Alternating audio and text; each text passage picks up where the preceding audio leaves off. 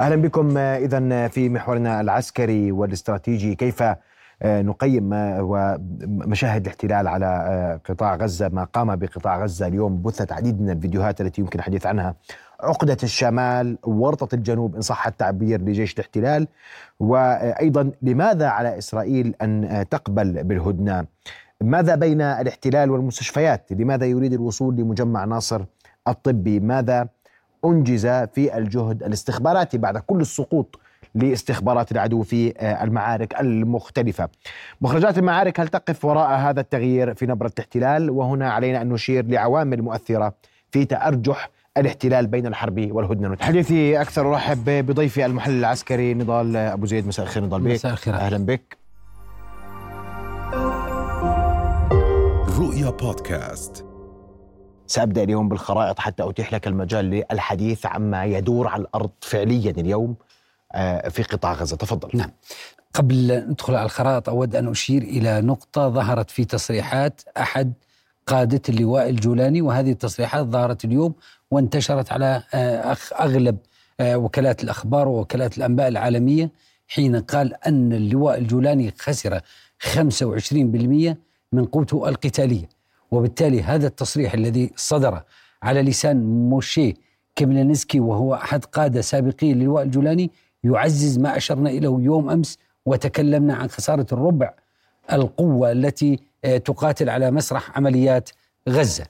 انطلاقا من هذه الخسائر التي ظهرت وانطلاقا من تصريحات موشي كيملينسكي أحد الجنرالات السابقين للواء الجولاني أنطلق إلى الخارطة ومن الخارطة أود أن أشير إلى العمليات ومنها نعرج إلى خسائر قوات الاحتلال خلال ال 24 ساعة الماضية. إذا ما ذهبنا إلى المنطقة الأكثر سخونة والأكثر التهابا بالنسبة للعمليات العسكرية والأكثر والأكثر خسارة بالنسبة لقوات الاحتلال هي المنطقة الجنوبية من قطاع غزة وبالتحديد منطقة خان يونس. جميل.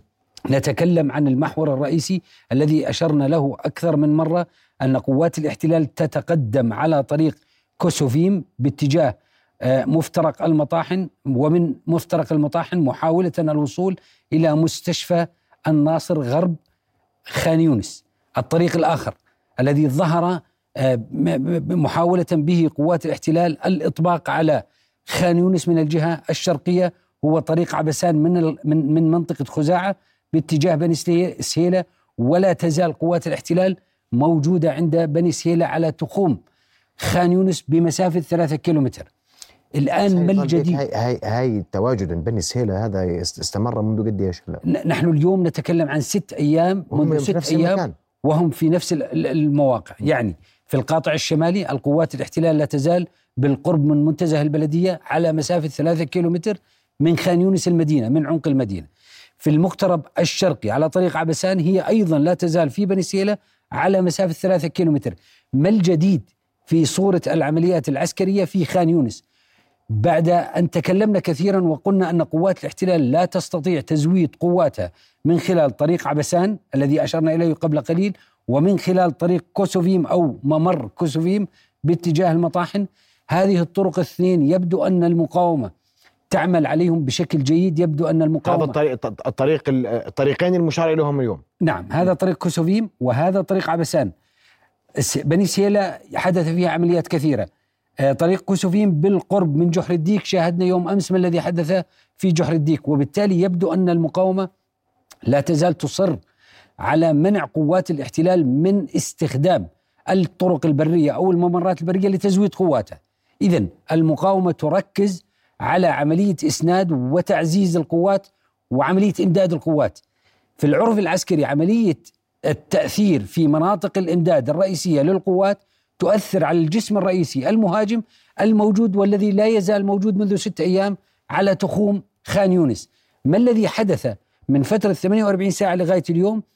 يبدو أن المحاولات الإسرائيلية تزايدت في محاولة فتح ممر جديد بري تحاول من خلاله إسناد قواتها لذلك ظهر عندنا في الجنوب من خان يونس الممر باتجاه طريق صلاح الدين الجنوبي باتجاه المركز الثقافي ووصلت قوات الاحتلال عند هذا الطريق وهو طريق صلاح الدين الجنوب معروف أنه ممر صلاح الدين الجنوبي.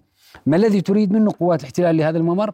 تريد فتح طريق ممر بري لإمداد قواتها برا.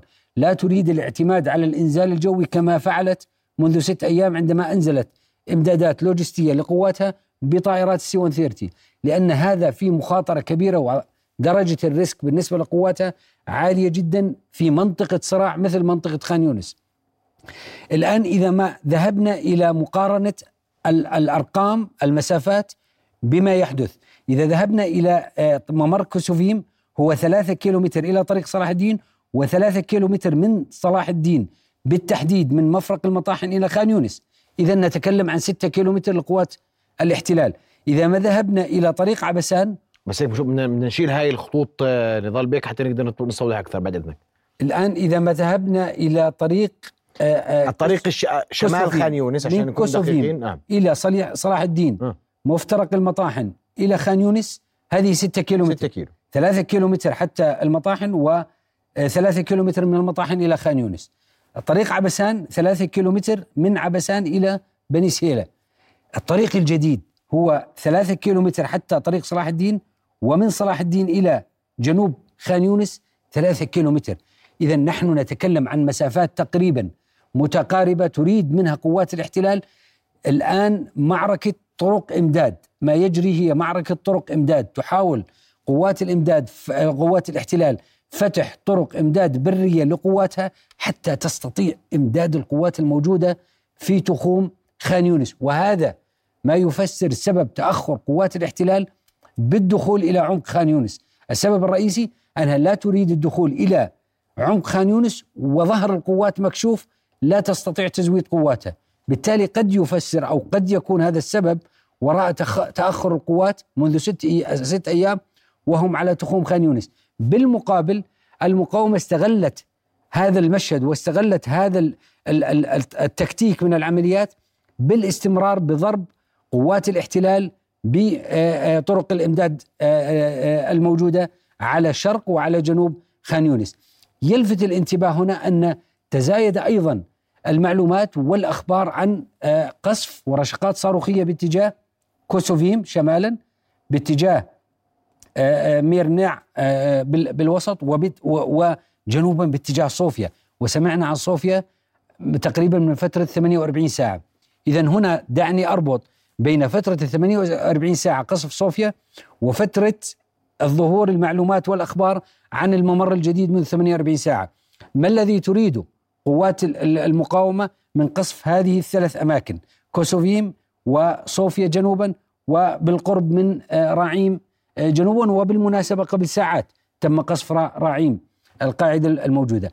اذا المقاومة لا تزال تركز على خلفية القوات وتركز على طرق إمداد القوات ذيل القوات وإمدادها. ذيل القوات والقواعد اللوجستية للقوات. المقاومة تريد الاستمرار بالضغط على قوات الاحتلال من خلال قصف مناطق الخلفية لقوات الاحتلال حتى لا تعطي مجال لقوات الاحتلال للتقدم إلى عمق مدينة خان يونس. وبالتالي تأخير العملية مقايضة الوقت بالزمان بالمكان وبالتالي تكسب وقت أكثر تعطي خسائر أكثر لقوات الاحتلال وتمد مدة العمليات أكثر هذا يدفع باتجاه ما تكلمنا به يوم أمس على زيادة نسبة الخسائر إلى إلى ال critical point أو النقطة الحرجة وهي 30% من نسبة خسائر قوات الاحتلال. واللي هي باتت قريبة. يعني من من اليوم إلى 10 أيام تكون قوات الاحتلال دخلت في النقطة الحرجة الخطرة حتى تبدأ بالتجاوز لل 30% وهي نسبة الخسائر. وإذا تجاوزت نسبة 30% ستكون مضطرة ومجبرة على وقف العمليات. هذا ليس بيد قوات الاحتلال، هذا عرف عسكري.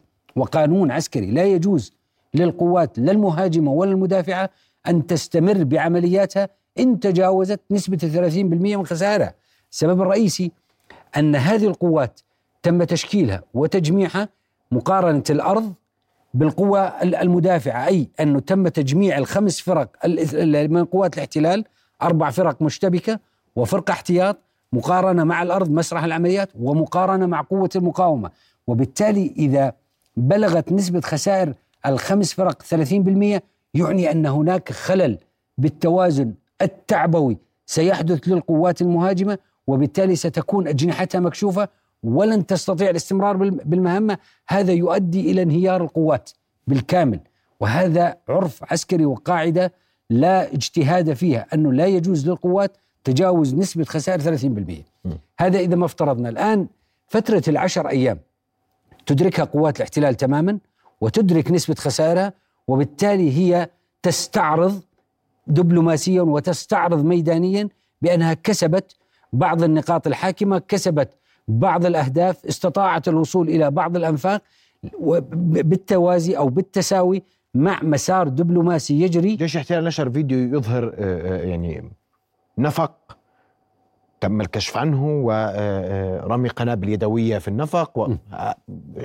تابعت الفيديو بالتأكيد. نعم. يعني هذا هذا المشهد عليه عدة تحفظات. التحفظ الأول لو كان هذا المشهد صحيح ولنفترض صحة ما تم الإعلان عنه. هذه لي هذا ليس نجاح هذا فشل لقوات الاحتلال. عندما نتكلم أنه بعد 71 يوم من العمليات العسكرية يكتشف قوات الاحتلال أن هناك نفق كان تحت أقدامهم يعني موجود على معبر إيرز حسب ما أعلن الجانب الإسرائيلي وتقريبا مسافته 400 متر من معبر من معبر إيرز. وبالتالي بعد 71 يوم من القتال تكتشف أن تحت أقدامك هناك نفق. أعتقد أن هذا آه، فشل وليس نجاح. النقطة الأخرى عندما نتكلم أن قوات الاحتلال اكتشفت وجود نفق في هذه المنطقة. اذا كيف آه، قام وزير الدفاع الإسرائيلي يوآف جالنت قبل 14 يوم من اليوم بالإعلان أنه تم السيطرة على مناطق شمال قطاع غزة ولا توجد أي ولا يو وليس هناك أي تواجد للمقاومة في مناطق شمال قطاع غزة واليوم يتم اكتشاف نفق إن كان مشهد النفق صحيحا. النقطة الأخرى والتي لي تحفظات على المشهد الذي ظهر به النفق أن هناك على موقع آه، آه، على اليوتيوب تم تحميل مقطع لنفق وجد تحت مستشفى الشفاء. إذا رجعنا إلى هذا المقطع نجد أن بعض المشاهد التي ظهرت اليوم للمقطع الذي أعلن عنه قوات الاحتلال أنه للنفق الموجود عند بالقرب من معبر إيريز مشابهه لشكل النفق الموجود هناك. هذا المقطع موثق وموجود على اليوتيوب ومحمل منذ ثلاث أسابيع. وهو أعلن عنه آنذاك أنه موجود تحت مستشفى الشفاء، وبالتالي المشاهد متشابهة. أنا لا أذهب باتجاه هذه الرواية ولن أذهب باتجاه تلك الرواية لكن سأذهب باتجاه ما أعلن عنه قوات الاحتلال بأن ذلك نفق وأعتبره فشل تعبوي لقوات الاحتلال بعد 14 يوم من الإعلان على السيطرة على المنطقة الشمالية من قطاع غزة. شمال القطاع. إذا ما ذهبنا إلى شمال آه، قطاع غزة وهذه مناطق السيطرة حتى اليوم 71 وحتى من العمليات تغيرت كثير ككل وحتى اليوم 50 من العملية البرية. نعم. بس هي ما تغير يعني وأنا بحكي عشان أنا أنا, أنا واضح وصريح. ولا أتحدث عن تمنيات ولا تتحدث أنت عن تمنيات أتحدث عن وقائع. هذه الخريطة لم يتغير فيها شيء كثير منذ نعم. أن وضعنا مناطق سيطرة الاحتلال في القطاع. هو تحدث عن مغادرة بعض المناطق عن السيطرة على مناطق أخرى صحة ذلك من عدم صحته وحقيقة ما يحدث على المناطق الشمالية في قطاع غزة ومشاهد المقاومة التي تبث يوميا أو أو حتى على على مسافات. نعم. يعني يوم أو يوم لا. بس تظهر أن هناك حربا طاحنة في شمال القطاع. سؤال جميل وكلام صحيح. تفضل. لم تتغير هذه المنطقة. السبب الرئيسي أن هذه مناطق تواجد هذه المناطق التي تظهر باللون الأخضر هي مناطق تواجد للقوات الاحتلال. هناك فرق كبير بين السيطرة والتطهير أي أن قوات الاحتلال تتواجد في هذه المنطقة. هذه مناطق مناورة لقوات الاحتلال.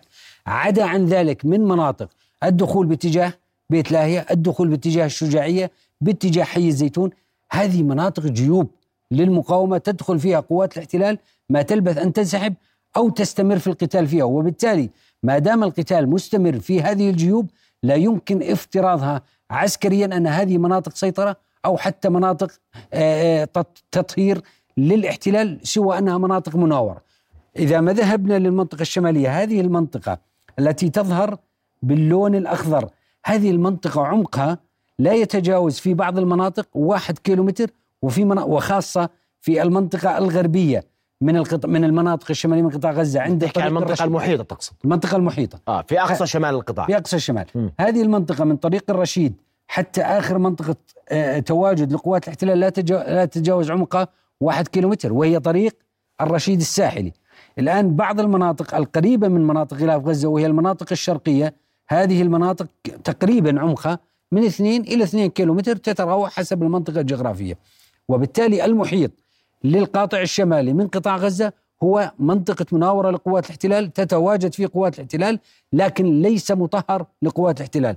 ما يعزز كلامي أن بيت حانون ظهر فيها عمليات متقطعة بيت حانون ظهر منها إطلاق لصواريخ وصلت إلى آه، القدس قبل أيام يوم الجمعة بالتحديد.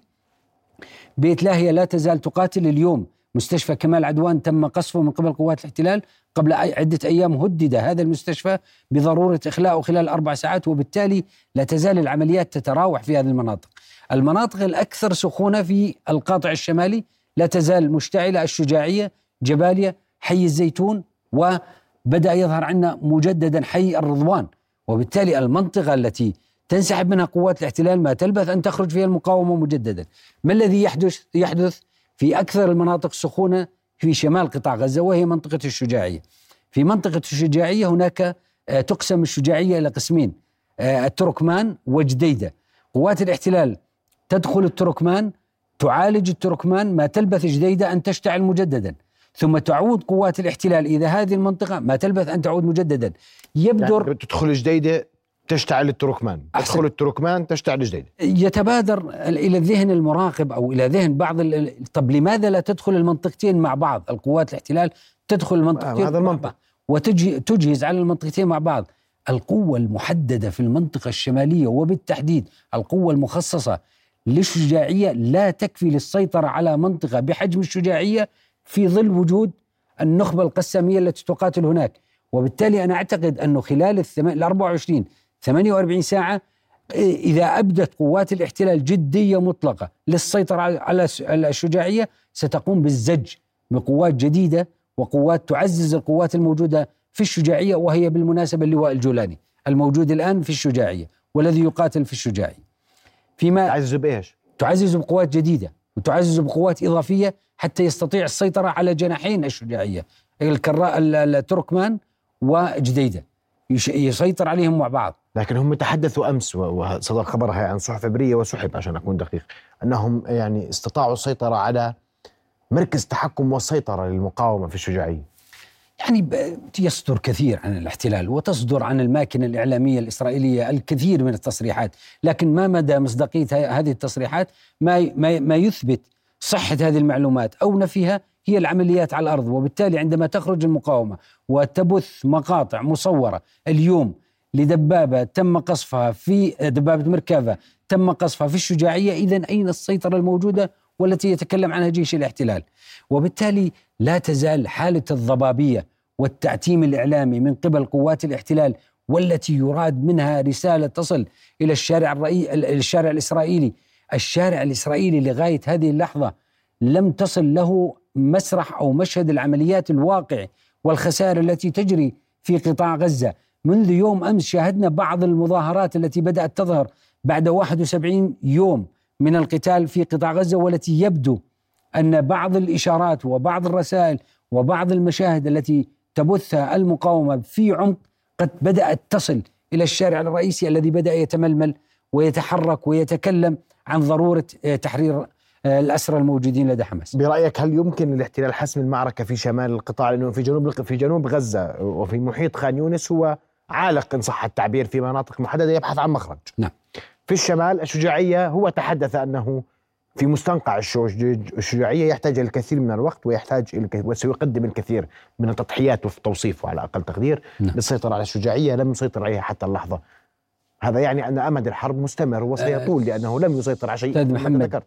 هذا النوع من العمليات قلناها أكثر من مرة من نبض البلد لا يهم من يسيطر على الأرض ولا من يدخل الأحياء ولا من يدخل مدينة لأن هذا النوع من العمليات يجب على المدافع أن يسمح للمهاجم إلى الدخول إلى المدن حتى يستطيع التعامل معه ولكن يدخل المقاومة تدخل قوات الاحتلال إلى المدن مرهقة تماما ومجهز عليها تماما هي تعالجها على تخوم المدن تبني آه، فيها خسائر كبيرة على تخوم المدن ثم تسمح لها بالدخول مرهقة إلى داخل المدن وتتعامل مع هذا إلى داخل المدن. وهذا التكتيك الذي أرهق قوات الاحتلال داخل المدن. وبالتالي هنا إجابة على سؤالك.